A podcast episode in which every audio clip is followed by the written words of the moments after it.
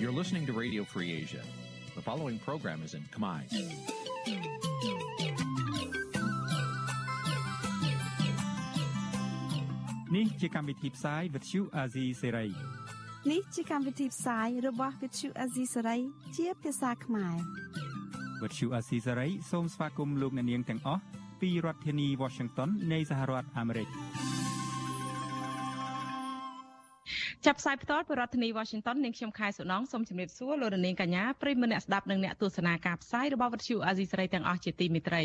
ចា៎នាងខ្ញុំសូមជូនកម្មវិធីផ្សាយសម្រាប់យប់ថ្ងៃអង្គារពីកើតខែបុស្សឆ្នាំឆ្លូវត្រីស័កពុរសករាជ2565ដែលត្រូវនឹងថ្ងៃទី4ខែមករាគ្រិស្តសករាជ2022ចា៎ជាដំបូងនេះសូមអញ្ជើញលោកនាងស្ដាប់ព័ត៌មានប្រចាំថ្ងៃដែលមានមេត្តាដូចតទៅ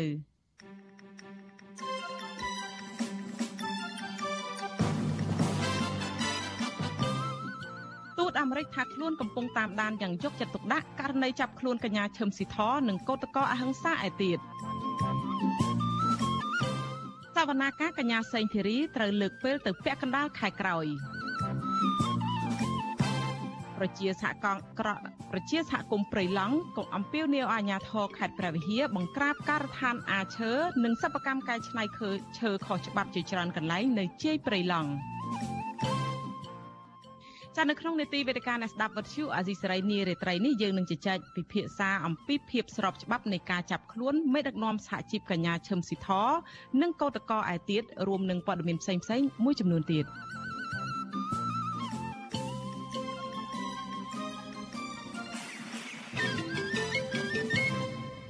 តែជាបន្តទៅនេះនាងខ្ញុំខែសុណងសូមជូនព័ត៌មានទាំងនេះពុស្ដា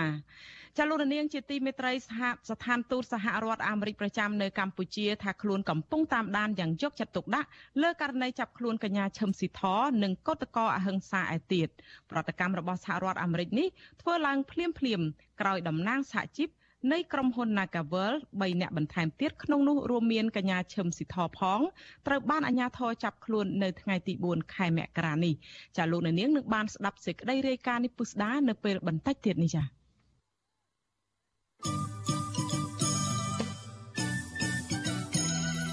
ចាលោករនាងកញ្ញាជាទីមេត្រីចាតកតងទៅនឹងរឿងវិវាទការងារនៅក្រុមហ៊ុន Casino Nagavel នេះដែរដែលឈានទៅដល់ការចាប់ខ្លួនមេដឹកនាំសហជីពបន្ថែមទៀតនោះធ្វើឲ្យមានប្រតិកម្មជាពីជាច្រើនពីអង្គការនានារួមទាំងស្ថានទូតសហរដ្ឋអាមេរិកផងចាដោយដោយដោយដែលលោកនាងបានឃើញរូបភាពនៅក្នុងការផ្សាយនេះគឺជា សកម្មភាពដែលអាជ្ញាធរបានចោះទៅចាប់កញ្ញាឈឹមស៊ីធនៅឯកន្លែងជួបប្រជុំតវ៉ាចាំមានសំណួរជាច្រើនដែលបានចោទឡើងថាតើហេតុអ្វីបានជាអាជ្ញាធរពាក់ព័ន្ធមិនព្យាយាមដោះស្រាយវិវាទការងារដែលជាដើមចមនៃការជួបជុំហើយបែរជាប្រើចំណាត់ការចាប់ខ្លួនទៅវិញនោះ ចាស់ឲ្យតើតើការចាប់ខ្លួននេះធ្វើឡើងដោយត្រឹមត្រូវដែរឬទេចាសសូមលោកនាងរងចាំទស្សនាកិច្ចពិភាក្សារបស់យើងចានៅក្នុងនីតិវិទ្យាអ្នកស្ដាប់ពទ្យុអាស៊ីសេរីដែលនឹងមានអ្នកជំនាញខាងសិទ្ធិការងារនិងសិទ្ធិមនុស្សមកបកស្រាយបន្ថែមអំពីបញ្ហានេះនៅពេលបន្តិចទៀតចាស់ឲ្យប្រសិនជាលោកនាងមានជាសំណួរឬក៏មតិយោបល់ជុំវិញ ព័ត៌មានជុំវិញបញ្ហានេះសូមលោកនាងដាក់លេខទូរស័ព្ទរបស់លោកអ្នកនៅក្នុងប្រអប់សារ Messenger Facebook អសីស្រីឬក៏នៅក្នុងខ្ទង់ comment របស់អសីស្រីចាក់ក្រុមការងាររបស់យើងនឹងហៅត្រឡប់ទៅលោកនាងវិញចាសសូមអរគុណ thank you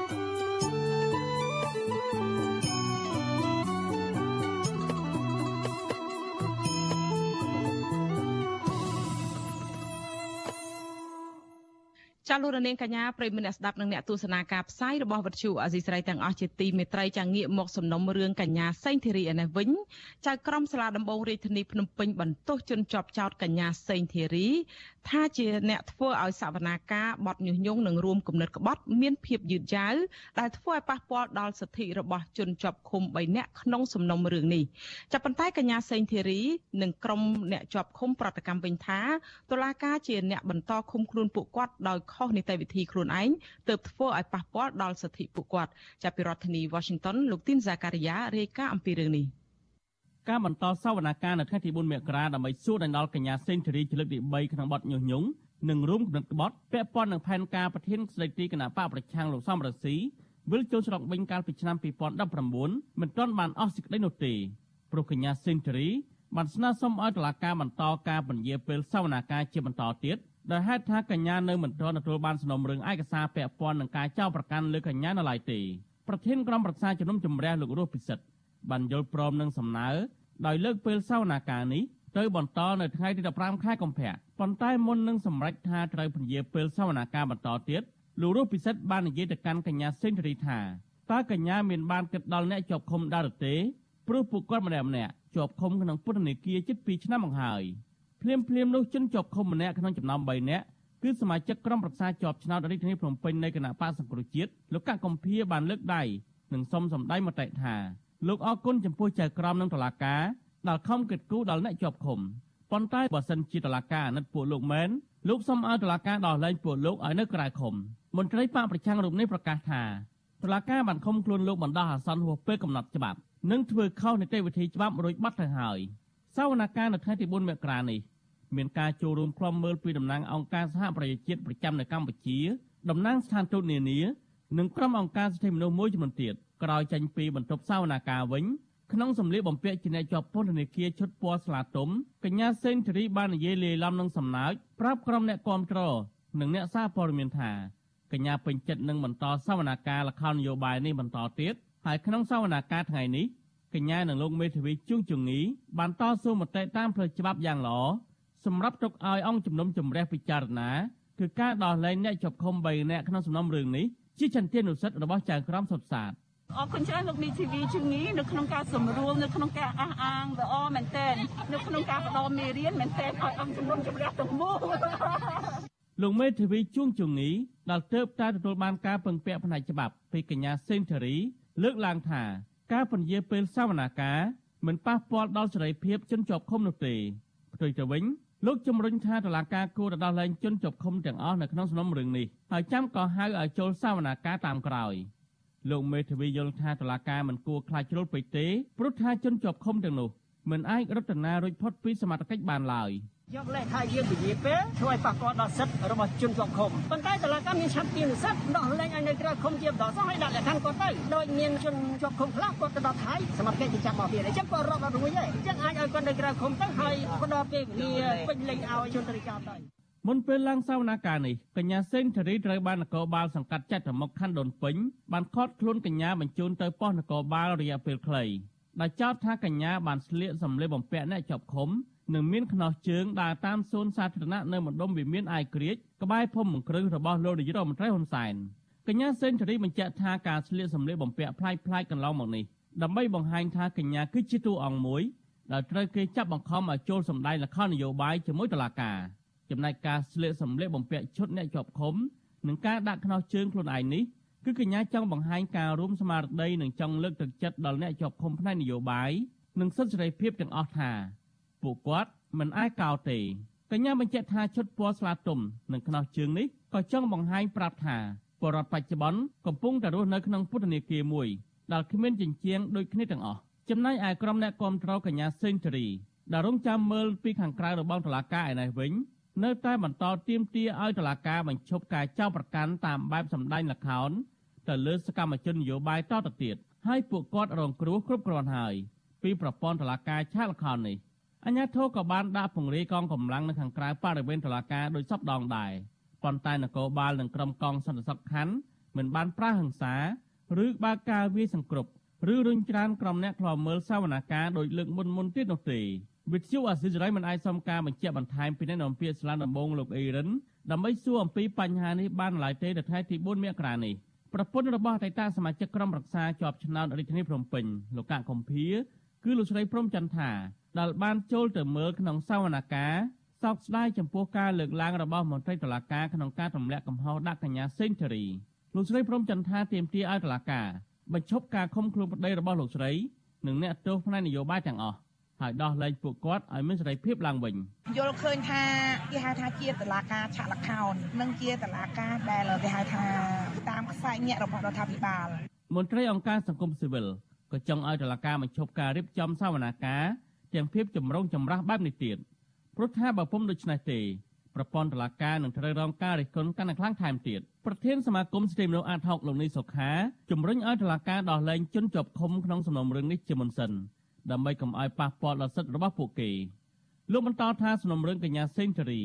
មានពាក់ព័ន្ធនឹងអ្នកនយោបាយដូច្នេះលោកលើកទឹកចិត្តឲ្យអ្នកនយោបាយរកយន្តការដោះស្រាយវិវាទនេះតាមផ្លូវនយោបាយវិញ។ អ្វីដែលល្អដើម្បីសម្របសម្រួលរឿងនេះឲ្យមានស្ថានភាពមួយថាទាំងឲ្យដំណើរការសវនាការនឹងវាមានភាពអប្រសើរវាអាចដេញដោលគ្នាវាអាចមានភាពគ្រប់ជ្រុងជ្រោយផងហើយវាអាចគោរពទៅនឹងសិទ្ធិរបស់ជនជាប់ឃុំផងយើងគួរថា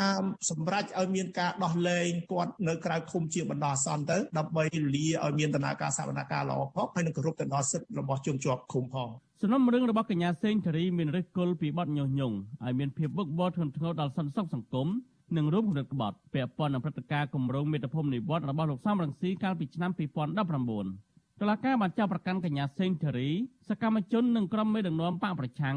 សរុបចំនួន42នាក់ក្នុងសំណុំរឿងនេះដោយសារសំណុំរឿងនេះមានជនសង្ស័យច្រើនពេកតុលាការបានបំបែកសំណុំរឿងនេះជា7សវនាការដែលក្រុងនឹងបញ្ឈប់សវនាការសួរដេញដោលនៅខែកុម្ភៈខាងមុខជាមួយគ្នានេះ ក្រុមមេដឹកនាំបកប្រឆាំងនៅក្រៅប្រទេសក៏អះអាងថាកំពុងតែរកវិធីដើម្បីចូលរួមតតាំងក្តីក្នុងតុលាការនេះដែរប៉ុន្តែតុលាការនិងរដ្ឋាភិបាលមិនព្រមបញ្ជាឲ្យបើកផ្លូវជូនពួកគាត់បានវិលចូលទៅបំភ្លឺនៅក្នុងតុលាការនេះនៅឡើយទេខ្ញុំទីនសាការីយ៉ាអសិរ័យប្រធានីវ៉ាស៊ីនតោន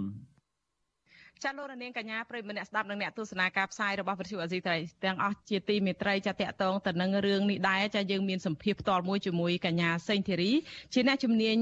ផ្នែកច្បាប់និងវិទ្យាសាស្ត្រនយោបាយអន្តរជាតិដែលកញ្ញាសេងធីរីនឹងចូលមកជាមួយយើងតាមប្រព័ន្ធវីដេអូ Skype នាងខ្ញុំសូមជម្រាបសួរកញ្ញាសេងធីរីចាជំរាបសួរលោកស្រីជំរាបសួរជនរួមជាតិបងប្អូនទាំងអស់គ្នា ចាអឺកញ្ញាសេងធារីថ្ងៃនេះក៏ប្លែកមែនតើនៅពេលដែលចេញទៅ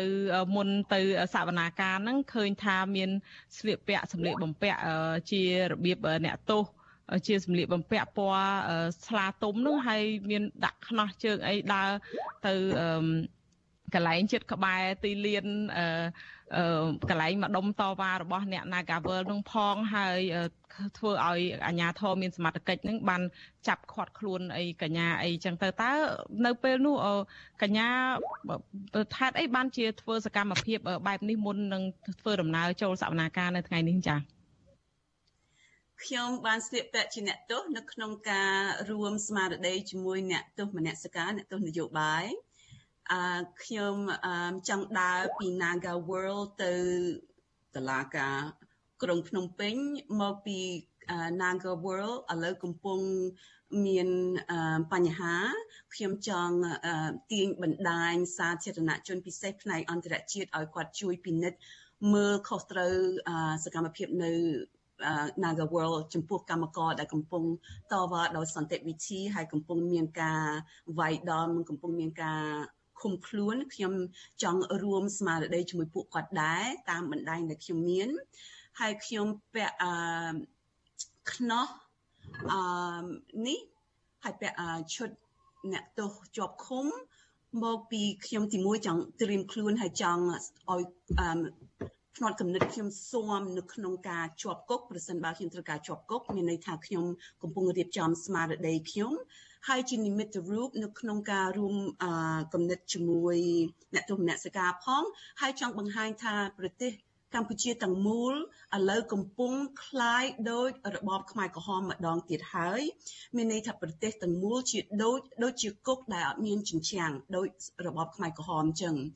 ហើយនេះជាខ្នោះជាក់ស្ដែងដែលខ្ញុំបានស្រង់ពីបឹងរៃនៅស្វាយរៀងដែលខ្ញុំបានជាប់ ពន្ធនាគារជាកុមារក្រោមរបបខ្មែរក្រហម បានចឹងនេះជានិមិត្តរូបនៅក្នុងការរួមគំនិតជាមួយអ្នកទម្នាក់សកាទីតាំង Naga World ពីព្រោះរឿងនេះជារឿងយុទ្ធធម៌យើងវាវាតេតិនពួកគាត់ខាងកម្មករពួកខ្ញុំខាងការតស៊ូមតិវារឿងយុទ្ធធម៌តែមួយឯងបើយើងបូកសរុបសភាពការទៅបូកសរុបទៅខ្ញុំចង់ដាស់តឿនស្មារតីសាធារណជន ពិសេសបណ្ដាញ អន្តរជាតិដែលខ្ញុំមានពួកម៉ាកមានឥទ្ធិពលនៅក្នុងការជួយពិនិត្យជះពន្លឺមកកម្ពុជា ចាកញ្ញាសេងធារីចំណុចដូចដែលកញ្ញាបានលើកឡើងអំពីការជួបជុំរបស់ក្រុមហ៊ុនរបស់ក្រុមកោតក្រ Nagavel នេះកញ្ញាបែបបានដឹងព័ត៌មានហើយយល់យ៉ាងម៉េចដែរថ្ងៃនេះដែលអាជ្ញាធរចាប់ខ្លួនកញ្ញាឈឹមស៊ីធរួមទាំងសារការីរបស់គាត់ពីរនាក់បន្ថែមទៀតនឹងសរុបទាំងអស់មកដល់ពេលនេះវា23នាក់ហើយហើយចោតប្រកាន់នឹងពីបទញុះញង់បង្កឲ្យមានភាពវឹកវរធ្ងន់ធ្ងរដោយបទចោតកញ្ញាសេងធារីដែរតើយល់យ៉ាងម៉េចដែរចំពោះរឿងនេះចាដែលគាត់ទៅតវ៉ារឿងវិវាទការងារនឹងចាហើយមានការឈានដល់ការចាប់ខ្លួនចាគឺការឆ្លោះបង្ហាញម្ដងទៀតអំពីភាពភ័យខ្លាចរបស់របបផ្ដាច់ការនេះដែលដឹងថាខ្លួនឯងខុសបាទអញ្ចឹងពេលយើងដឹងខ្លួនយើងខុសយើងមានភាពភ័យខ្លាចយើង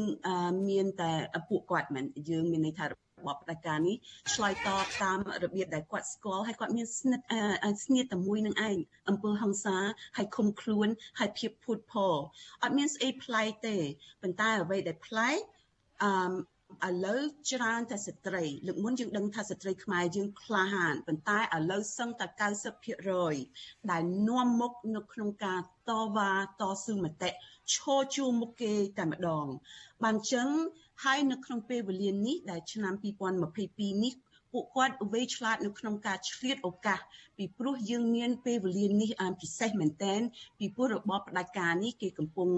ធ្វើដោយគេសំរុំណាស់ហើយគេចង់ឲ្យមេដឹកនាំពិភពលោកមកចាប់ដៃជាមួយគេចង់បានរូបភាពប៉ុន្តែនេះ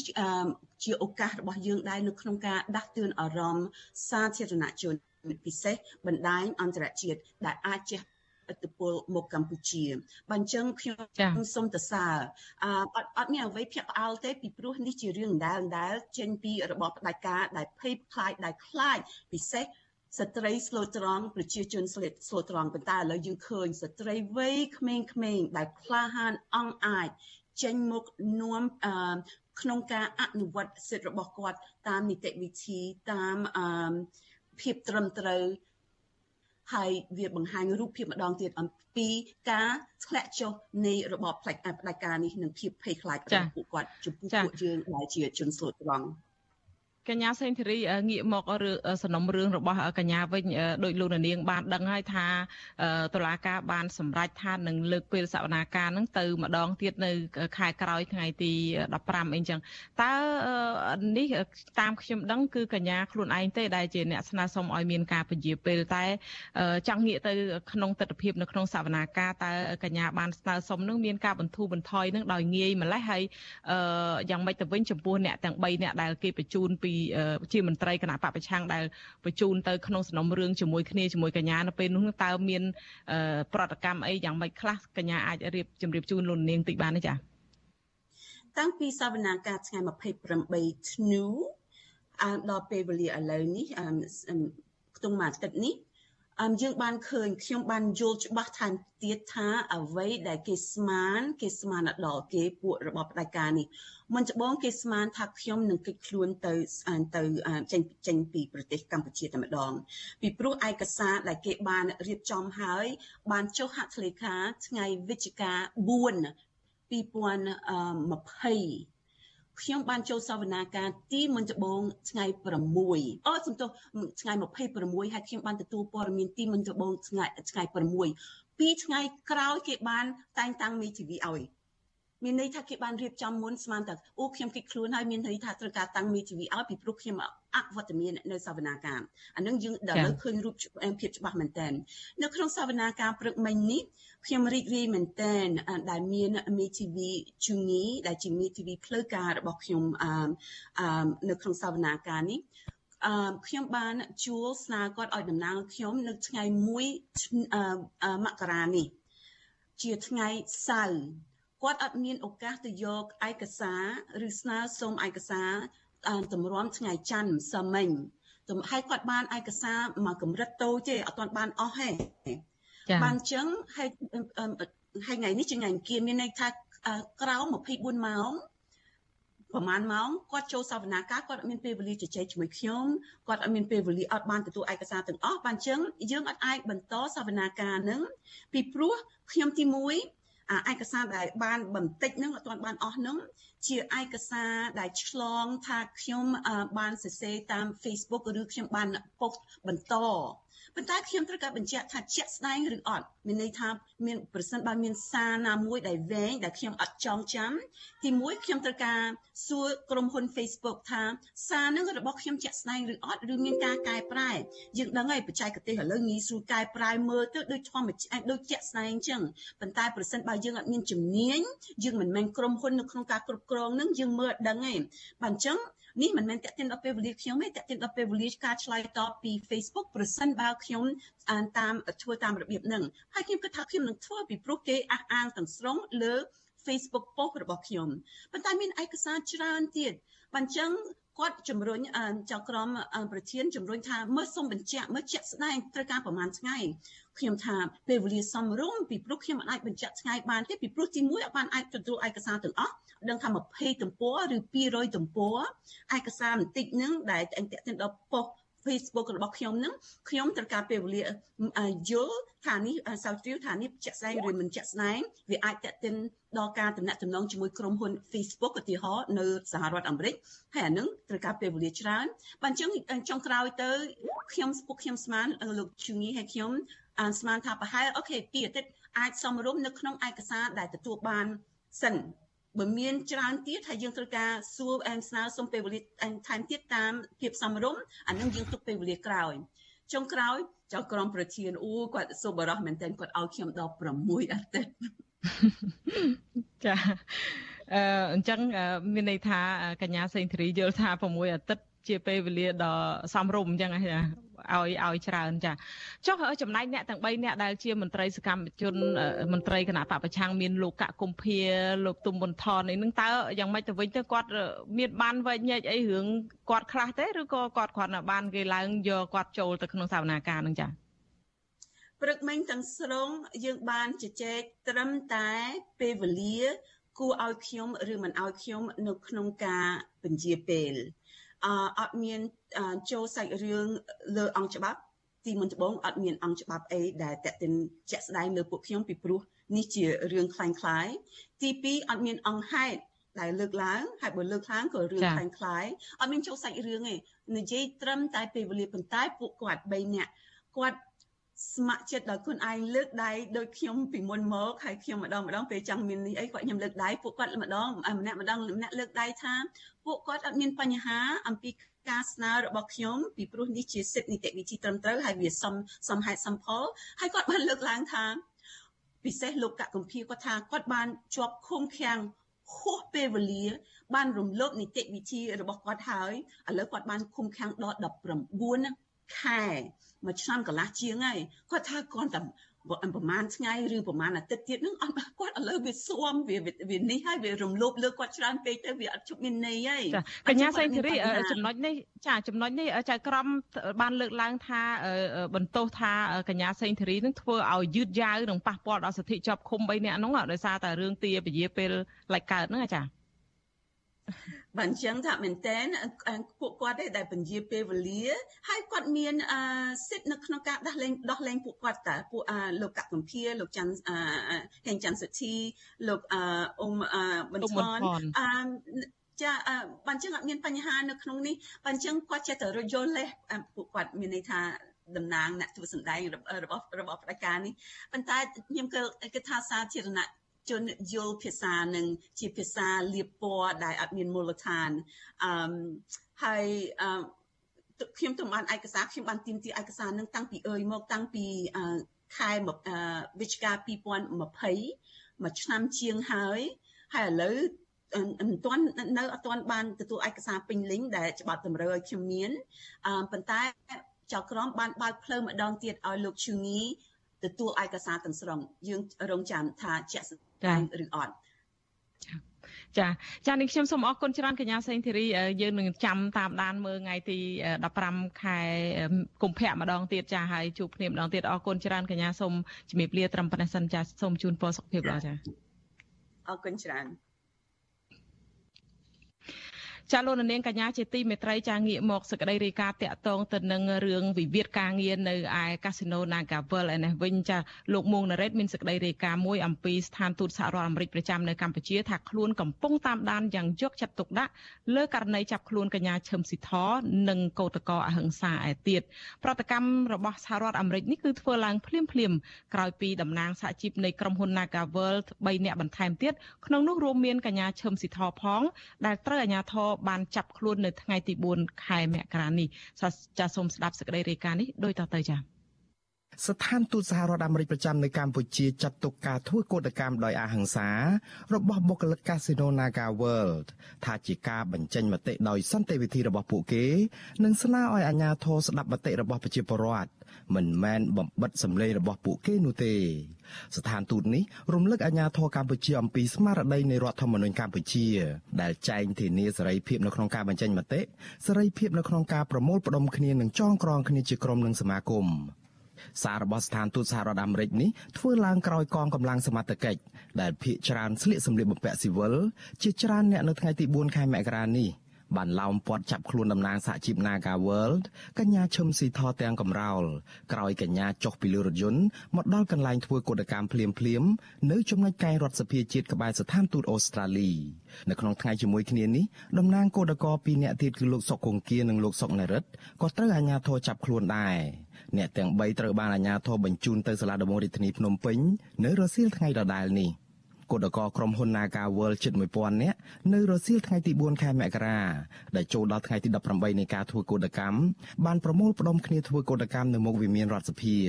កោតកម្មនេះធ្វើឡើងបន្ទាប់ពីមានការចាប់ខ្លួនបុគ្គលិកក្រុមហ៊ុន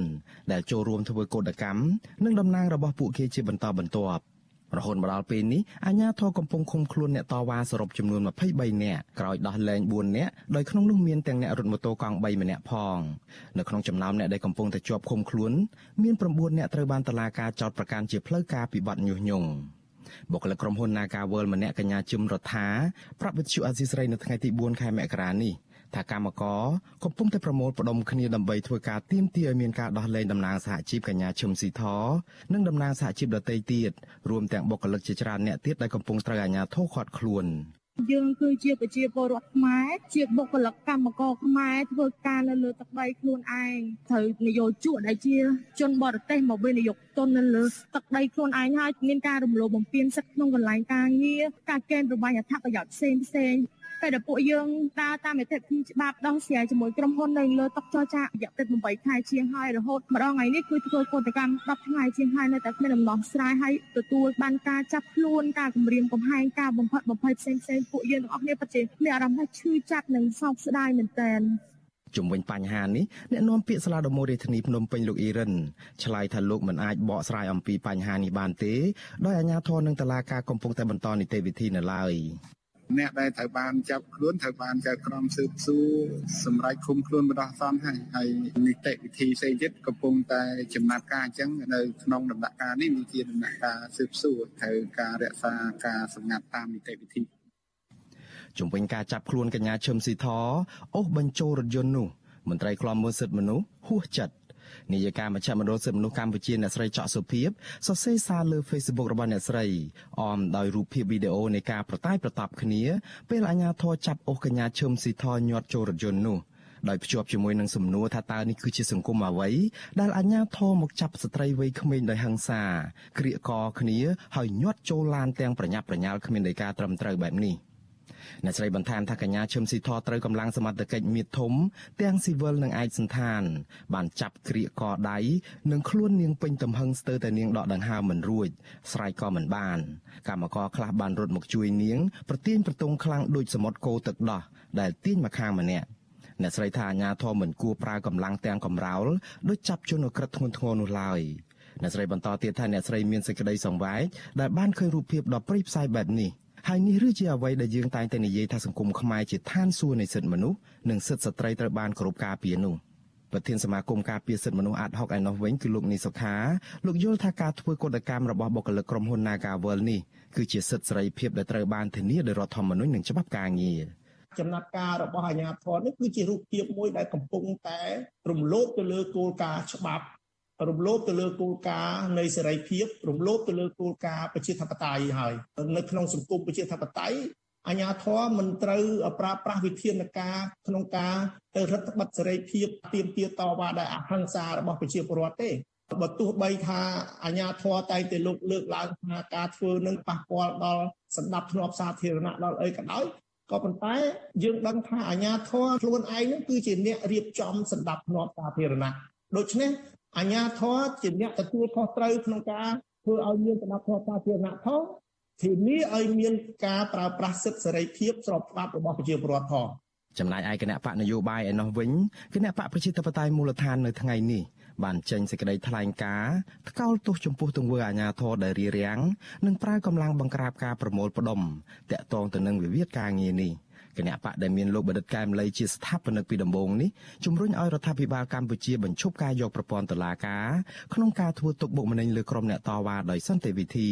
ហើយត្រូវដោះលែងគឧតកោទាំងអស់មកវិញ។ បើទោះបីជាអាជ្ញាធរបន្តចាប់ខ្លួនកូដកោនិងតំណាងរបស់ពួកគេជាបន្តបន្ទាប់យ៉ាងណាក្តី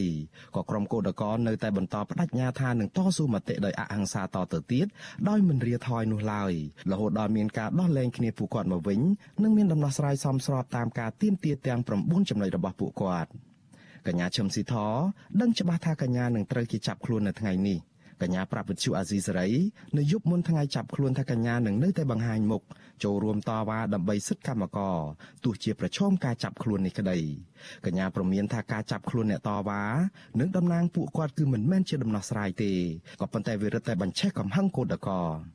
នៅថ្ងៃចាប់ខ្លួនកញ្ញាឈឹមស៊ីធនោះគឧតកោនាំគ្នាសរសេរសារតាម Facebook ថាចាប់កញ្ញាឈឹមស៊ីធម្នាក់នៅមានកញ្ញាឈឹមស៊ីធ2000នាក់ទៀត នៅក្នុងថ្ងៃទី4ខែមករាដែរក្រុមអង្គការសង្គមស៊ីវិលសហភាពសហជីពសហព័ន្ធសហជីពនិងសមាគម119ស្ថាប័នបានចេញសេចក្តីថ្លែងការណ៍រួមគ្នា បង្ហាញការខកចិត្តជាខ្លាំងចំពោះវិធានការរបស់សមាជិកដែលដឹកនាំដោយស្នងការនគរបាលរាជធានីភ្នំពេញដែលបានខាត់ខ្លួនថ្នាក់ដឹកនាំសហជីពប្រតិភូចរចានិងសកម្មជនសហជីពត្រួតត្រងសិទ្ធិការងារបុគ្គលិកកម្មករខ្មែរនៃក្រុមហ៊ុន Naga World ទាំង23នាក់ពួកគេអំពាវនាវឲ្យដោះលែងអ្នកទាំងនោះជាបន្ទាន់ និងដោយឥតលក្ខខណ្ឌខ្ញុំបាទមុងណារ៉េត With you Azizi ប្រធានាទី Washington ចាលោករនាងជាទីមេត្រីចាតតតងទៅនឹងរឿងវិវាទការងារនៅក្រុមហ៊ុន Nagavel ដែលឈានដល់ការចាប់ខ្លួនមេដឹកនាំសហជីពបន្ថែមដោយលោករនាងបានឃើញគឺកញ្ញាឈឹមស៊ីធរួមទាំងសហការីរបស់គាត់នោះធ្វើឲ្យមានប្រតិកម្មជាច្រើនពីអង្គការនានារួមទាំងស្ថានទូតសហរដ្ឋអាមេរិកផងចាំមានសំណួរជាច្រើនបានចោទឡើងថាតើហេតុអ្វីបានជាអាជ្ញាធរពាក់ព័ន្ធមិនព្យាយាមដោះស្រាយវិវាទការងារហើយដែលជាដើមចមនៃការជួបប្រជុំនៃការតវ៉ានេះហើយបែរជាប្រើចំណាត់ការចាប់ខ្លួនទៅវិញតើការចាប់ខ្លួននេះធ្វើឡើងដោយត្រឹមត្រូវដែរឬទេចាសសូមលោកនាងរងចាំស្ដាប់នីតិវិទ្យាស្ដាប់វិទ្យុអាស៊ីសេរីដែលនឹងជជែកអំពីបញ្ហានេះនៅពេលបន្តិចទៀតហើយប្រសិនជាលោកនាងមានជាសំណួរឬក៏មតិយោបល់អាចដាក់លេខរបស់លោកអ្នកនៅក្នុងខ្ទង់ comment ឬក៏ប្រអប់សារ Facebook អាស៊ីសេរីឬក៏ខ្ទង់ comment Facebook និង YouTube ដែលកំពុងផ្សាយផ្ទាល់នេះហើយក្រុមការងាររបស់យើងនឹងហៅត្រឡប់ទៅលោកនៅនាងវិញចាសសូមអរគុណ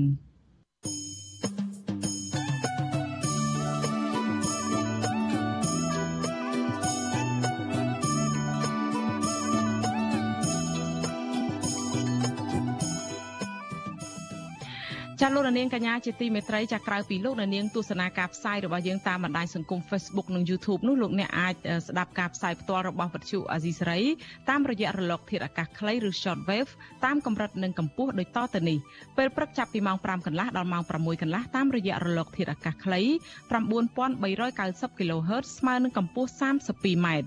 និង11850 kHz ស្មើនឹងកម្ពស់ 25m ចានៅពេលយប់វិញម៉ោង7កន្លះដល់ម៉ោង8កន្លះតាមរយៈរលកធាតុអាកាសខ្លី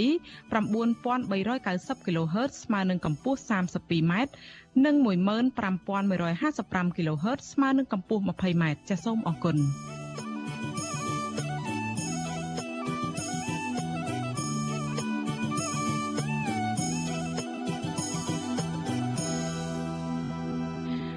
ចចាលោករនាងកញ្ញាជាទីមេត្រីចាតកតងទៅនឹងស្ថានភាពនៃការរីករាលដាលជំងឺ Covid-19 វិញអ្នកជំងឺ Covid-19 ម្នាក់ទៀតបានស្លាប់ដោយក្រសួងសុខាភិបាលបញ្ជាក់ថា គាត់បានចាក់វ៉ាក់សាំងបង្ការជំងឺ Covid-19 រួចហើយចំណែកករណីឆ្លងថ្មីវិញក្រសួងឲ្យដឹងថាមានចំនួន10នាក់ដែលសុទ្ធតែជាករណីនាំចូលពីក្រៅប្រទេសនិងជាប្រភេទមេរោគបំផ្លែងថ្មីឈ្មោះអូមីក្រុងទាំងអស់ចាក់គិតត្រឹមព្រឹកថ្ងៃទី4ខែមករានេះកម្ពុជាមានអ្នកកើតជំងឺ Covid-19 ជាង120,000នាក់ក្នុងនោះមានអ្នកជាសះស្បើយជាង110,000នាក់និងអ្នកស្លាប់មានចំនួន3015នាក់ ចំពោះការចាក់វ៉ាក់សាំងវិញក្រសួងសុខាភិបាលបានដឹងថាគិតត្រឹមថ្ងៃទី3ខែមករារដ្ឋាភិបាលចាក់វ៉ាក់សាំងជូនពលរដ្ឋដែលមានអាយុពី5ឆ្នាំឡើងទៅ បានជាង14លាន2សែននាក់សម្រាប់ដូសទី1ខណៈដូសទី2ចាក់បានជាង13លាន6សែននាក់និងដូសទី3បានជាង3លាន6សែននាក់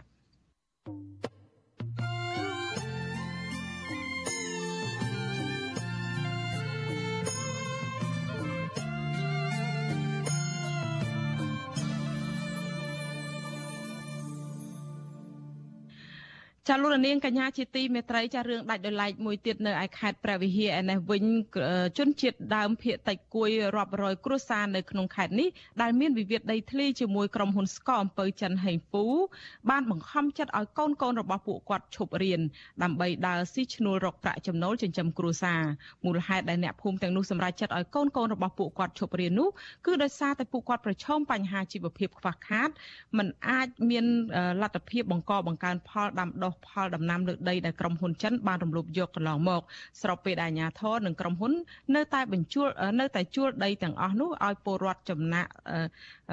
ជាបន្តបន្ទាប់ទៀតនោះហើយសូមអញ្ជើញលោកនាងស្ដាប់សេចក្តីរាយការណ៍របស់លោកមានរិទ្ធអំពីរឿងនេះដូចតទៅចា៎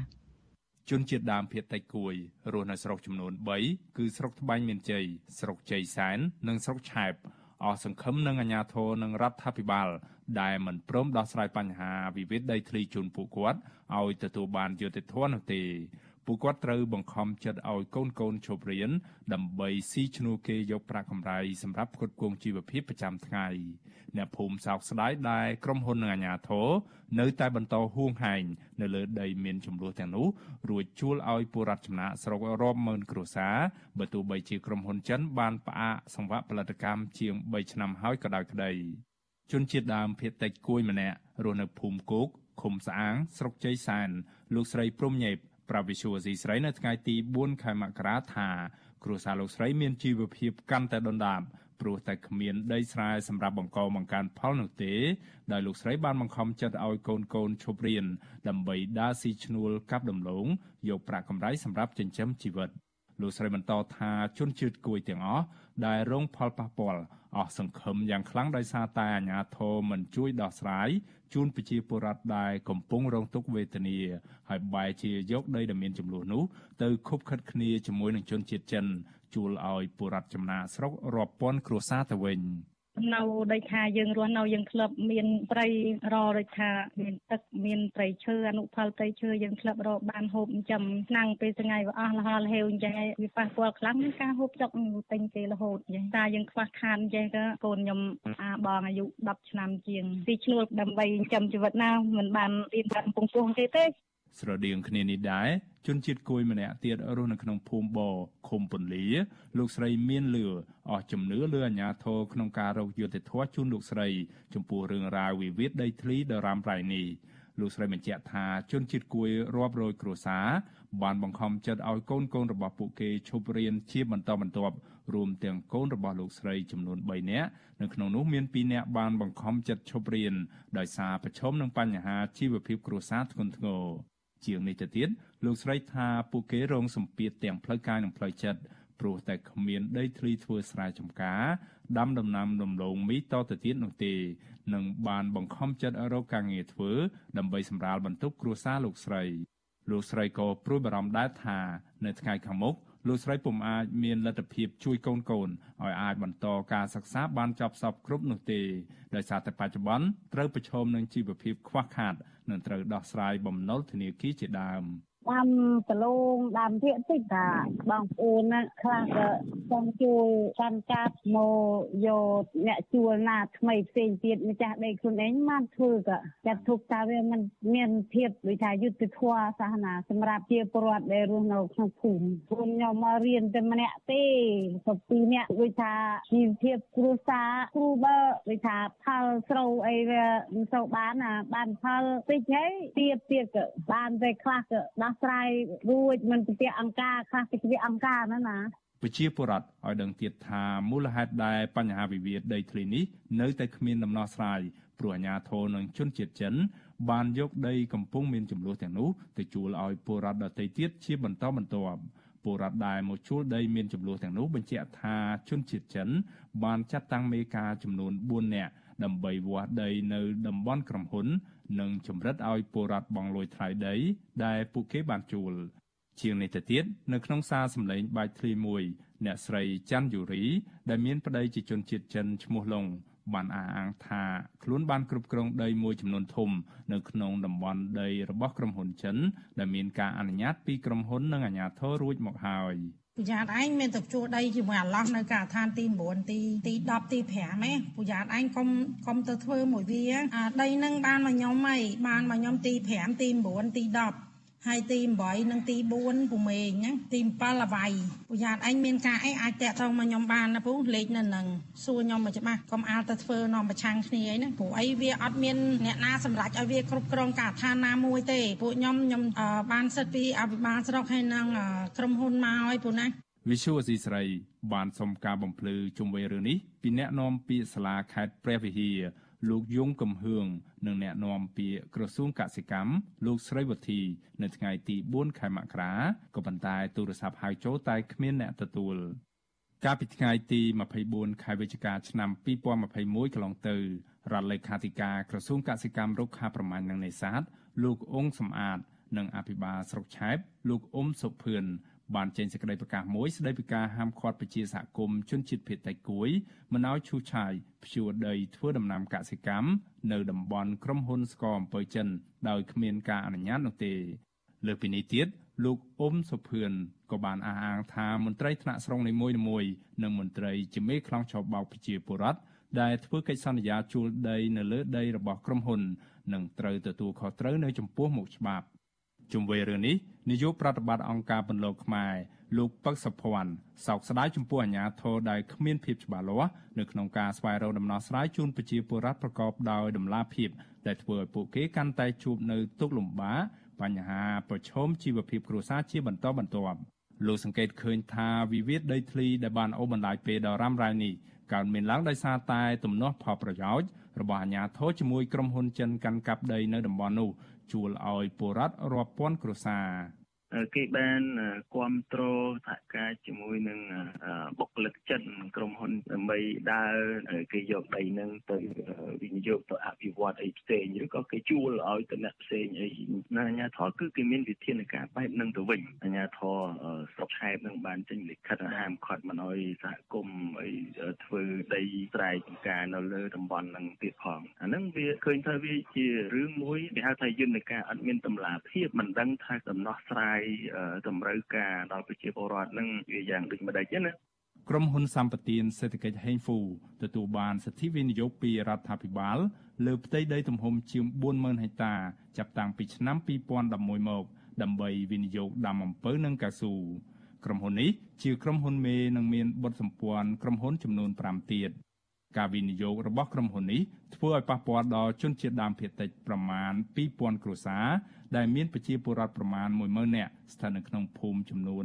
25ឃុំចំនួន10និងស្រុកចំនួន3គឺស្រុកជ័យសែនស្រុកឆែបនិងស្រុកត្បែងមានជ័យវេទិកានៃអង្គការមិនមែនរដ្ឋាភិបាលស្ដីពីកម្ពុជា និងអង្គការដៃគូមួយចំនួនទៀតបានរកឃើញថាក្រុមហ៊ុនបានឈូសឆាយប៉ះពាល់ដល់ដីស្រែប្រជាពលរដ្ឋបានឈូសឆាយលុបប្រភពទឹក ដែលជាផ្លូវទឹកធម្មជាតិសម្បូរដោយមច្ឆជាតិនិងបានឈូសឆាយទៅលើដីទួលប្រាសាទបុរាណ4កន្លែងនិងស្ថានីយ៍បុរាណផ្សេងៗទៀតរបាយការណ៍របស់អង្គការ Liga do កាលពីខែមីនាឆ្នាំ2020បង្ហាញថាកម្ពុជាបានផ្ដល់ដីសម្បត្តិសេដ្ឋកិច្ចសរុបជិត300កន្លែងទៅឲ្យក្រុមហ៊ុនឯកជនគ្រប់គ្រងស្មើនឹងទំហំជាង2លាន1សែនហិកតា នៅក្នុងនោះក្រុមហ៊ុនរបស់ចិនទទួលបានចំណាយគ្រប់គ្រងដីនៅកម្ពុជាច្រើនជាងគេ ស្មើនឹងជិត4សែនហិកតាឬស្មើនឹងជិត5ដងនៃផ្ទៃដីប្រទេសសង្ហបុរីបច្ចុប្បន្នខ្ញុំបានមេរិត Visual C ស្រីរាយការណ៍ពីរដ្ឋធានី Washington ចាលោកនាងកញ្ញាជាទីមេត្រីចាប់ប្រជាសហគមន៍ព្រៃឡង់អំពាវនាវអាជ្ញាធរខេត្តព្រះវិហារបង្ក្រាបការដ្ឋានអាឈើ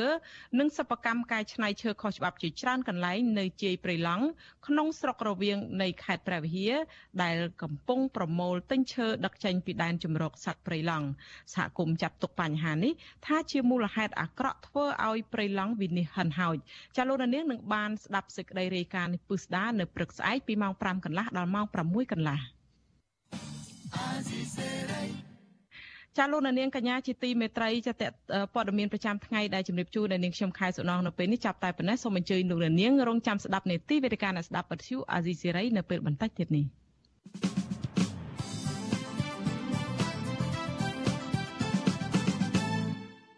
ចាលោកនាងកញ្ញាជាទីមេត្រីជាបន្តទៅនេះសូមអញ្ជើញលោកនាងស្ដាប់នេតិវេទិកាអ្នកស្ដាប់បទជាអាស៊ីសេរី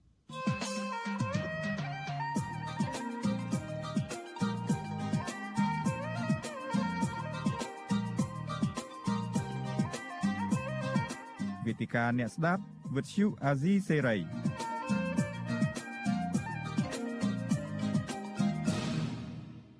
ចាលោកនាងកញ្ញាជាទីមេត្រីចានាងខ្ញុំខែសុណងសូមជម្រាបសួរលោកនាងជាថ្មីម្ដងទៀតចានៅក្នុងនេតិវេទិកាអ្នកស្ដាប់ពទ្យុអាស៊ីសេរីនារាត្រីថ្ងៃអង្គារទី4ខែមករានេះ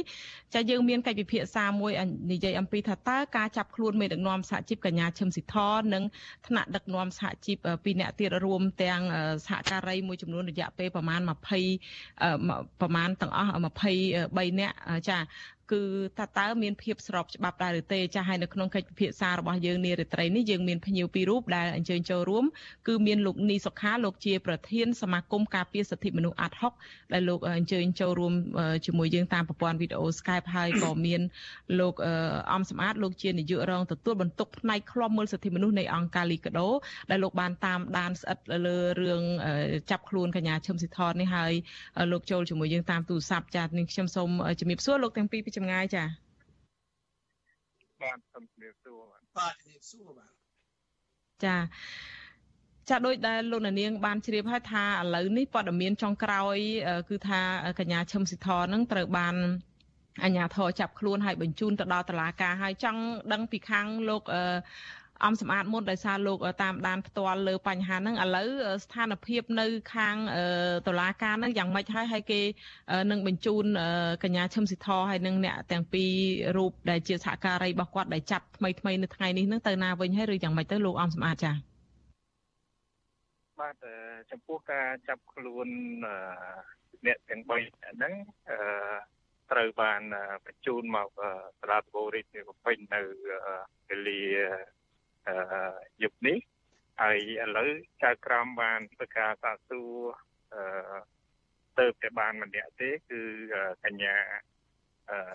ឈឹមស៊ីធោហើយពីរនាក់ទៀតមិនទាន់បានសួរទេអញ្ចឹងគឺចៅក្រមសម្រាប់ផ្ញើពួកគាត់អឺឲ្យប៉ូលីសនាំទៅស្នងការដ្ឋាននគរបាលរាជធានីភ្នំពេញមួយយប់នេះសិនហើយស្អែកនឹងបញ្ជូនមកបន្តនីតិវិធីនៅតុលាការបាទ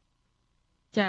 អញ្ចឹងឥឡូវហ្នឹងបានចាប់សពគ្រប់ហើយនៅនៅតុលាការហ្នឹងបញ្ជូនទៅស្នងការហើយមិនចឹងចាមានអ្នកតាមដានខ្លំមើលនៅខាងក្រៅហ្នឹងបានរំសាយអស់ហើយបាទឥឡូវហ្នឹងគឺបើយើងមើលទៅទស្សនវិជ្ជាខាងក្រៅដូចជាមិនមានអ្នកដែលតាមមើលទេអឺដោយសារពេលវេលាយប់អញ្ចឹងហើយ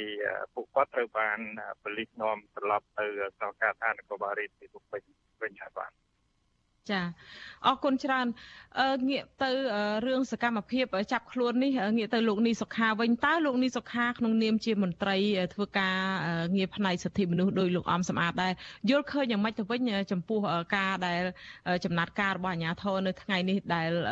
ចាប់បន្តបន្ទាប់រហូត តាំងពីថ្ងៃទី31យប់ថ្ងៃទី31ខែធ្នូមកហ្នឹងពី3ថ្ងៃនេះនឹងចាប់សរុបទាំងអស់23នាក់ទៅហើយចំពោះការតវ៉ាទាមទារដំណោះស្រាយការងារនៅ Nagawal នេះចា៎ បាទអឺទី1បើយើងសង្កេតមើលអំពីរូបភាពនៃការចាប់ខ្លួនយើងមើលទៅឃើញហាក់បីដូចជាមានភាពអឺយើងនិយាយថាសាហាវបាទសាហាវគឺព្រោះថាកម្លាំងសមត្ថកិច្ចហើយដែលច្រើនអ្នកហើយទៅក្រៀក ស្ត្រីម្នាក់ដែលមានល្អិតហើយយើងឃើញថាការក្រៀកនឹងមិនមែនជារឿងក្រៀកធម្មតាទេគឺថាហាក់បីដូចជាសង្កត់គ្នាស្ទើរថានិយាយអត់រួចទេណាបាទដូច្នេះខ្ញុំ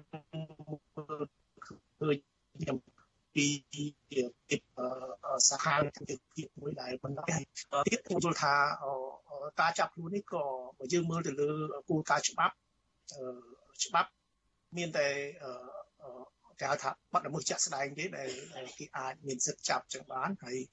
សិនជាក្នុងរូបភាពมันមានជាបាត់ល្មើសជាក់ស្ដែងទេហើយមានដីកាមានអីចាប់ខ្លួនគួរណាតែយើងមានការអានដីកាអានអីឲ្យគេបានស្ដាប់បាទហើយទី3ទៀតគឺថាបើយើងមើលអំពីទស្សនវិជ្ជាជុំវិញនៃការធ្វើកោតកម្មរបស់កោតកោទាំងអស់ហ្នឹងគឺថា យើងឃើញហើយថាមិនមែនជាកោតកម្មដែលខុសទៅនឹងច្បាប់ទេគឺថានេះគឺជាការប្រើប្រាស់នូវសិទ្ធិសេរីភាពដែលមានការធានាដោយច្បាប់ទាំងច្បាប់ជាតិច្បាប់អន្តរជាតិពិសេសគឺធានាដោយរដ្ឋធម្មនុញ្ញដែលជាច្បាប់កម្ពុជាយើងទៅទៀតផងដែលគេថាប្រជាពលរដ្ឋទាំង អស់គេមានសិទ្ធិក្នុងការធ្វើបាតកម្មមានសេរីភាពក្នុងការធ្វើបាតកម្មមានសេរីភាពក្នុងការធ្វើកោតកម្មដែលអហិង្សាដើម្បីទាមទារឲ្យមានដំណោះស្រាយយុត្តិធម៌ផ្សេងផ្សេងសម្រាប់ប្រជាពលរដ្ឋគាត់ថានេះជាសិទ្ធិសេរីភាពដែលមានការធានាដោយច្បាប់ដូច្នេះអាជ្ញាធរមិនអាចយកបញ្ហានឹងជារូបភាពមួយគេហៅថាជាលេសដើម្បីដាក់កំហុសដើម្បីធ្វើការចាប់ខ្លួនទៅដល់អ្នកដែលធ្វើកោតកម្ម ឬក៏បាតកម្មដោយសន្តិវិធីចឹងទេបាទអានេះជាផ្ទុយទៅវិញសកម្មភាពនៃការចាប់ខ្លួននេះវាជាទង្វើមួយដែលមិនស្របទៅនឹងគោលការណ៍ច្បាប់ហើយក៏មិនស្របទៅនឹងគោលការណ៍ដែលប្រទេសយើងជាប្រទេសប្រកាន់នៅលទ្ធិប្រជាធិបតេយ្យសេរីហ្នឹងគេហៅថាជាការលើកកម្ពស់នៃសិទ្ធិសេរីភាពហ្នឹងគឺយើងអត់ឃើញមានទេគឺថាយើងសកម្មភាពធ្វើនេះគឺមានការរំលោភធ្ងន់ធ្ងរណាស់ទៅដល់សិទ្ធិសេរីភាពក្នុងការសម្ដែងមតិក្នុងការជួបជុំ ក្នុងការប្រមូលផ្ដុំតវ៉ាដល់អហិង្សារបស់ប្រជាពលរដ្ឋបាទចាលោកនេះសុខាបានលើកឡើងអំបញ្ញមិញហ្នឹងថាការខាត់ខ្លួនការចាប់ខ្លួនហ្នឹងគឺមិនមានដីកាទេមិនអញ្ចឹងហ៎ចាមិនមិនមានអានដីកាអីទេប៉ុន្តែអាចថាខាងយើងដឹងហើយថាពីពីព្រឹកមុនចាប់ខ្លួននឹងខាងស្នងការរាជ ធានីភ្នំពេញរួមទាំងព្រះអញ្ញាលោកសេងហៀងនឹងបានធ្វើសន្និសីទសារព័ត៌មានមួយ គឺប្រកាសឲ្យថាឥឡូវសមត្ថកិច្ចត្រូវការស្វែងរកចាប់ខ្លួន ចោតអ្នកទាំង3ហ្នឹងដោយប្រើពាក្យថាជាមេខ្លោងនៃការតវ៉ាអីពីបទញុះញង់បង្កឲ្យមានភាពបកបោធ្ងន់ធ្ងរដល់សន្តិសុខសង្គមហ្នឹងហើយគេប្រកាសចឹងតែម្ដងថានឹងចូលមកត្រូវតែចាប់ខ្លួនអីចឹងទៅតើអាចថាប៉ុណ្ណឹងអាចជំនួសអ្វីដែលនៅពេលដែលចាប់ផ្ទាល់ហ្នឹងមិនបាច់ចាំត្រូវការអានដីកាទេឬក៏យ៉ាងម៉េចទៅវិញចាជានីតិវិធីចាបាទខ្ញុំសូមជម្រាបថាមិញខ្ញុំមិន លើកថាมันមានដីកាទេព្រោះមានដីកាឬក៏គ្មានដីកាខ្ញុំមិនបានដឹងទេណាព្រោះរឿងនេះដោយសារតែគ្រាន់តែឃើញមាន មានលិខិតមួយទាក់ទងទៅនឹងសេចក្តីប្រកាសរបស់អ្នកនាំពាក្យសាលាដំបងថាមានបញ្ជីចាប់ខ្លួនអញ្ចឹងប៉ុន្តែយើងក៏មិនទាន់មានឃើញដីកាចាប់ខ្លួនទេប៉ុន្តែគាត់ថាបើសិនជាសមត្ថកិច្ចមានដីកាចាប់ខ្លួនមែនសមត្ថកិច្ចក៏ត្រូវតែអានដីកាឲ្យគេដែរដើម្បីឲ្យគេដឹងថាតើគេមានកំហុសអីនឹងអំពីបញ្ហាសិទ្ធិរបស់គេដែលគេត្រូវដឹងអំពីកំហុសរបស់ របស់គេប៉ុន្តែការចូលទៅចាប់នេះខ្ញុំយើងឃើញរូបភាពទាំងអស់គ្នាហាក់បីដូចជាចាប់ទាំងកំរោលមានន័យថាការចាប់ខ្លួននេះគឺចាប់ទាំងកំរោលតែម្ដងដោយ មានន័យថាมันมันបានគោរពទៅដល់គោលការណ៍នៃសិទ្ធិមនុស្សទេបាទយើងមើលឃើញតកតទៅនឹងហើយគាត់ពួកគាត់សិតតែជាបរិសុទ្ធទៀតហើយចូលទៅចាប់គ្រាកស្ត្រីម្នាក់ដែលមានមានប៉ុណ្ណឹងហើយនេះវាជារឿងមួយដែលយើងមើលឃើញជារូបភាពទេប៉ុន្តែ រឿងទី2ខ្ញុំគិតថាអ្វីដែលជាការលើកឡើងខ្ញុំបានស្ដាប់ដែរនៅក្នុងខ្លឹមសារនៃការធ្វើសន្និសីទកសែតនេះហាក់បីដូចជាមានការចោទប្រកាន់ធ្ងន់ធ្ងរណាស់ទៅលើក្រុម កោតកោដែលមានតំណែងតំណងផ្សេងផ្សេងដែលមានការឧបត្ថម្ភផ្សេងផ្សេងខ្ញុំគិតថារឿងនេះមិនមែនទើបតែកើតមានទេហើយក៏មិនមែនជារឿងថ្មីសម្រាប់អាជ្ញាធរជាប់ប្រកាន់ទៅកម្ពុជាដែលចោទប្រកាន់ទៅលើក្រមអង្គការសង្គមស៊ីវិលមុនមុនក៏ដូចជាក្រមអ្នកដែលតវ៉ាក្រោយក្រោយទៀតគេថាឲ្យតែមានរូបភាពតវ៉ាឲ្យតែមានរូបភាពមិនស្របគេហៅថាប្រឆាំងទៅនឹងរដ្ឋាភិបាលមិនមិនមិនមានន័យថាដំណើរការធ្វើស្របជាមួយរដ្ឋាភិបាលអាជ្ញាធរតែងតែលើកហេតុផលដើម្បីទម្លាក់កំហុសមកលើទាំងអង្គការសង្គមស៊ីវិលក្តីទាំងលើសកម្មជនសិទ្ធិមនុស្សក្តីទាំងលើឥឡូវនេះចុងក្រោយនេះមកលើខាងក្រមសហជីព Nagawal នឹងទៀតបាទដែលតាក់ទងទៅថាមានការរៀបចំឬក៏មានការធ្វើអីដែលវាមានការរៀបចំដើម្បី មានមានអ្នកខ្លះនិយាយពីរឿងដល់បដិវត្តពណ៌ទៅទៀតបាទនៅក្នុងចា៎តែខ្ញុំគិតថាការចោតប្រកាន់បែបនេះគឺវាជាការទម្លាក់កំហុសដោយគ្មានឈរទៅលើមូលដ្ឋានច្បាប់ទេបាទខ្ញុំមើលពីព្រោះច្បាប់យើងគឺសេរីភាពនៅក្នុងការធ្វើបាតកម្មកោតកម្មដោយសន្តិវិធីដូចខ្ញុំជម្រាបជូនខាងដើមថាជាសិទ្ធិស្របច្បាប់មិនមែនជាទង្វើខុសច្បាប់ទេដូច្នេះបើសិនជាយើង ទៅចាប់ខ្លួនឬក៏យើងទៅទម្លាក់កំហុសចំពោះសកម្មភាពដែលជាទង្វើស្របច្បាប់ខ្ញុំថាអ្នកដែលទៅចាប់ខ្លួនអ្នកដែលទៅអ្នកដែលចោទប្រកាន់ទម្លាក់កំហុសទៅលើអ្នកដែលធ្វើសកម្មភាពស្របច្បាប់គឺជាអ្នកខុសច្បាប់ទៅវិញទេបើយើងនិយាយមែនទែនពីព្រោះថាសកម្មភាពដែលគេធ្វើនោះគឺជាសកម្មភាពមួយដែលធ្វើឡើងដោយ មានមានធានាដោយច្បាប់ហើយដល់ពេលយើងយើងទៅប្រមូលគ្នាចោតប្រកាន់ថារឿងហ្នឹងជារឿងខុសច្បាប់តែខ្ញុំមិនយល់ដែរថាតើសមត្ថកិច្ចកម្ពុជាយើងបច្ចុប្បន្នហ្នឹងកំពុងតែអនុវត្ត គោលគោលនយោបាយប្រជាធិបតេយ្យសង្គមប្រជាធិបតេយ្យឬក៏កំពុងតែអនុវត្តនៅគោលការណ៍ក្នុងសង្គមមួយដែលផ្ដាច់ការបាទបើសិនជាយើងអនុវត្តនៅគោលការណ៍ប្រជាធិបតេយ្យយើងគួរតែងាកទៅមើលរដ្ឋធម្មនុញ្ញយើងគួរតែងាកទៅមើលស្មារតីនៃគោលការណ៍ប្រជាធិបតេយ្យគោលការណ៍សិទ្ធិមនុស្សយើងគួរតែងាកទៅមើលខ្លឹមសារដែលធានាដោយរដ្ឋធម្មនុញ្ញដែលយើង វល់ត្រូវតែប្រមូលនេះគោរពនោះគេថារដ្ឋធម្មនុញ្ញកម្ពុជាដែលនិយាយអំពីប្រទេសកម្ពុជាជាប្រទេសប្រកាន់លទ្ធិប្រជាធិបតេយ្យសេរីពហុបកប្រជាពលរដ្ឋមានសិទ្ធិសេរីភាពក្នុងការសម្ដែងមតិក្នុងការតវ៉ាក្នុងការទាមទារណាការសម្ដែងមតិការតវ៉ាទាមទារទាំងឡាយរបស់ប្រជាពលរដ្ឋណាកង្វល់ទាំងឡាយរបស់ប្រជាពលរដ្ឋត្រូវតែបានយកចិត្តទុកដាក់ដោះស្រាយមកចត់ពីសំណាក់អង្គការរដ្ឋដែលយើងទៅមើលខ្លឹមសារនៃរដ្ឋធម្មនុញ្ញណាប៉ុន្តែរឿងនេះយើងការទៀមទាការតវ៉ា អញ្ញាធររដ្ឋបែរជាមិនខិតខំយកចិត្តទុកដាក់ដោះស្រាយឲ្យបានមកចត់បែរជាទៅទម្លាក់កំហុសលើគ្នាដូច្នេះយើងឃើញថានេះធ្វើឲ្យពួកពួកអ្នកដែលកម្មករដែលគាត់តវ៉ានោះគាត់មានការឈឺចាប់ហ្នឹងបាទពីព្រោះថាអ្វីដែលអយុត្តិធម៌ក្នុងការតវ៉ារឿងបញ្ហាវិវាទការងារមិនបានសម្រេចហើយបែរជាអាជ្ញាធរលោកមិនបាន ជួយលើកទឹកចិត្តឬក៏ជួយជ្រោមជ្រែងក្នុងការដោះស្រាយបញ្ហាហ្នឹងឬក៏ជួយសម្របសម្រួលធ្វើម៉េចឲ្យមានដំណោះស្រាយមួយឲ្យមានយុត្តិធម៌បែរជាអាញាធរទៅទម្លាក់កំហុសលើពួកគាត់ហើយទៅចាប់ខ្លួនពួកគាត់ហើយទៅចោទប្រកាន់ពួកគាត់នៅក្នុងបទល្មើសផ្សេងផ្សេងទៅវិញនេះគឺជារឿងអយុត្តិធម៌ ណាបាទនៅក្នុងសង្គមយើងដែលយើងថាជាសង្គមប្រកាន់ប្រជាធិបតេយ្យយើងមិនគួរមានរឿងចឹងកើតឡើងទេបាទនេះបើយើងមើលទៅរូបភាពនេះមិនមែនជារូបភាពនៅក្នុងប្រទេសដែលប្រកាន់លទ្ធិប្រជាធិបតេយ្យសេរីទេបាទ ចាអរគុណច្រើនលោកនីសខាលោកបានរំលឹកអ្វីដែលថាមានការលើកឡើងនៅក្នុងសន្និសីទសារព័ត៌មានរបស់អាជ្ញាធររបស់តុលាការនឹងថាមានពាក់ព័ន្ធនឹងរឿងសង្គមស៊ីវិលដែលឧបត្ថម្ភគ្រប់គ្រងនោះតិចទៀតខ្ញុំនឹងសួរដែរអំពីបញ្ហានឹងចាំយើងជជែកបន្ថែមទៀតហើយលើចំណុចថាការទៀមទាដោះស្រាយវិវាទការងារសោះតែបែរជាមិនមិនមិនដោះស្រាយរឿងវិវាទការងារហើយមានចំណាត់ការលើការចាប់ខ្លួនអីផ្សេងទៅវិញយើងក៏នឹងជជែកបន្ថែមដែរប៉ុន្តែសម្សម្រាប់លោកនាងដែលកំពុងតែទស្សនាការផ្សាយរបស់យើងតាមរយៈរលកធាតុអាកាស ខ្លីឬ short wave នាងខ្ញុំសូមលាលោកនាងសិនដោយសារតែម៉ោង8កន្លះគត់8:30នាទីលោកនាងនឹងមិនលឺការផ្សាយរបស់យើងទៀតទេប៉ុន្តែលោកអ្នកដែលកំពុងតែទស្សនាការផ្សាយរបស់យើងលើបណ្ដាញសង្គម Facebook និង YouTube នឹងនៅជាមួយយើងខ្ញុំ30នាទីទៀតដែលនឹងជជែកវិភាសាបន្តអំពីបញ្ហានេះហើយភ្ញៀវរបស់យើងនឹងមានលោកអំសំអាតនិងលោកនីសុខាពីអង្គការលីកាដូនិងអាត6ដែលបកស្រាយអំពី ស្ថានភាពនៃការចាប់ខ្លួនឬក៏តើការចាប់ខ្លួនមេសហជីពនិងសហការីរបស់ពួកគាត់នឹងមានភាពស្របច្បាប់ដែរឬទេនោះហើយបើសិនជាលោកនាងមានជាសំណួរឬក៏មតិយោបល់នឹងលោកអ្នកអាចដាក់លេខទូរស័ព្ទរបស់លោកអ្នកនៅក្នុងខ្ទង់ comment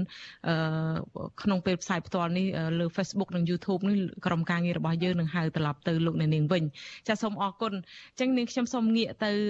លោកអំសំអាតវិញលោកអំសំអាតអ្វីដែលលោកនេះសុខាបានលើកឡើងឃើញហើយលោកបានបញ្ចេញមតិច្រើនអំពីការចាប់អារម្មណ៍ច្រើនអំពីអ្វីដែលជាចំណាត់ការរបស់អាជ្ញាធរពេលនេះមកលើមេសហជីពនាងខ្ញុំឆ្ងល់ថាហេតុអ្វីបានជាអឺ ការតវ៉ាទាមទារតស៊ូមតិដំបងឡើយនឹងគាត់បានថាគាត់តែងតែលើកជារឿយរឿយកញ្ញាឈឹមស៊ីធខ្លួនឯងហើយនឹងខាងសហជីពនឹងខាងក្រមកោតកលនឹងថាគាត់បានរត់តាមផ្លូវច្បាប់ជាមួយខាងក្រសួងការងារជាមួយខាងក្រមហ៊ុននឹងរយៈពេល8ខែហើយគ្មានដំណោះស្រាយទេ ហើយនេះគឺជាលទ្ធភាពចុងក្រោយដែលពួកគាត់ចេញមកប្រើសិទ្ធិក្នុងការសម្ដែងមតិដោយសន្តិវិធីប៉ុន្តែជាលទ្ធផលគឺបានមកវិញត្រូវបានចាប់ខ្លួនហើយដំណោះស្រាយមិនបានសោះលោករឿងនេះយ៉ាងម៉េចទៅវិញហេតុអីក៏មិនអាចដោះស្រាយឲ្យពួកគាត់បានចា៎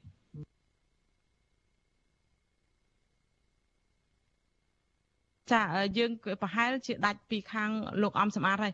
ខ្ញុំខ្ញុំបវល់សំណួរនេះទៅលោកនីសុខាវិញលោកនីសុខាតន់ទេសំណួរខ្ញុំមិញលោកចាបាទយើងគិតថារឿង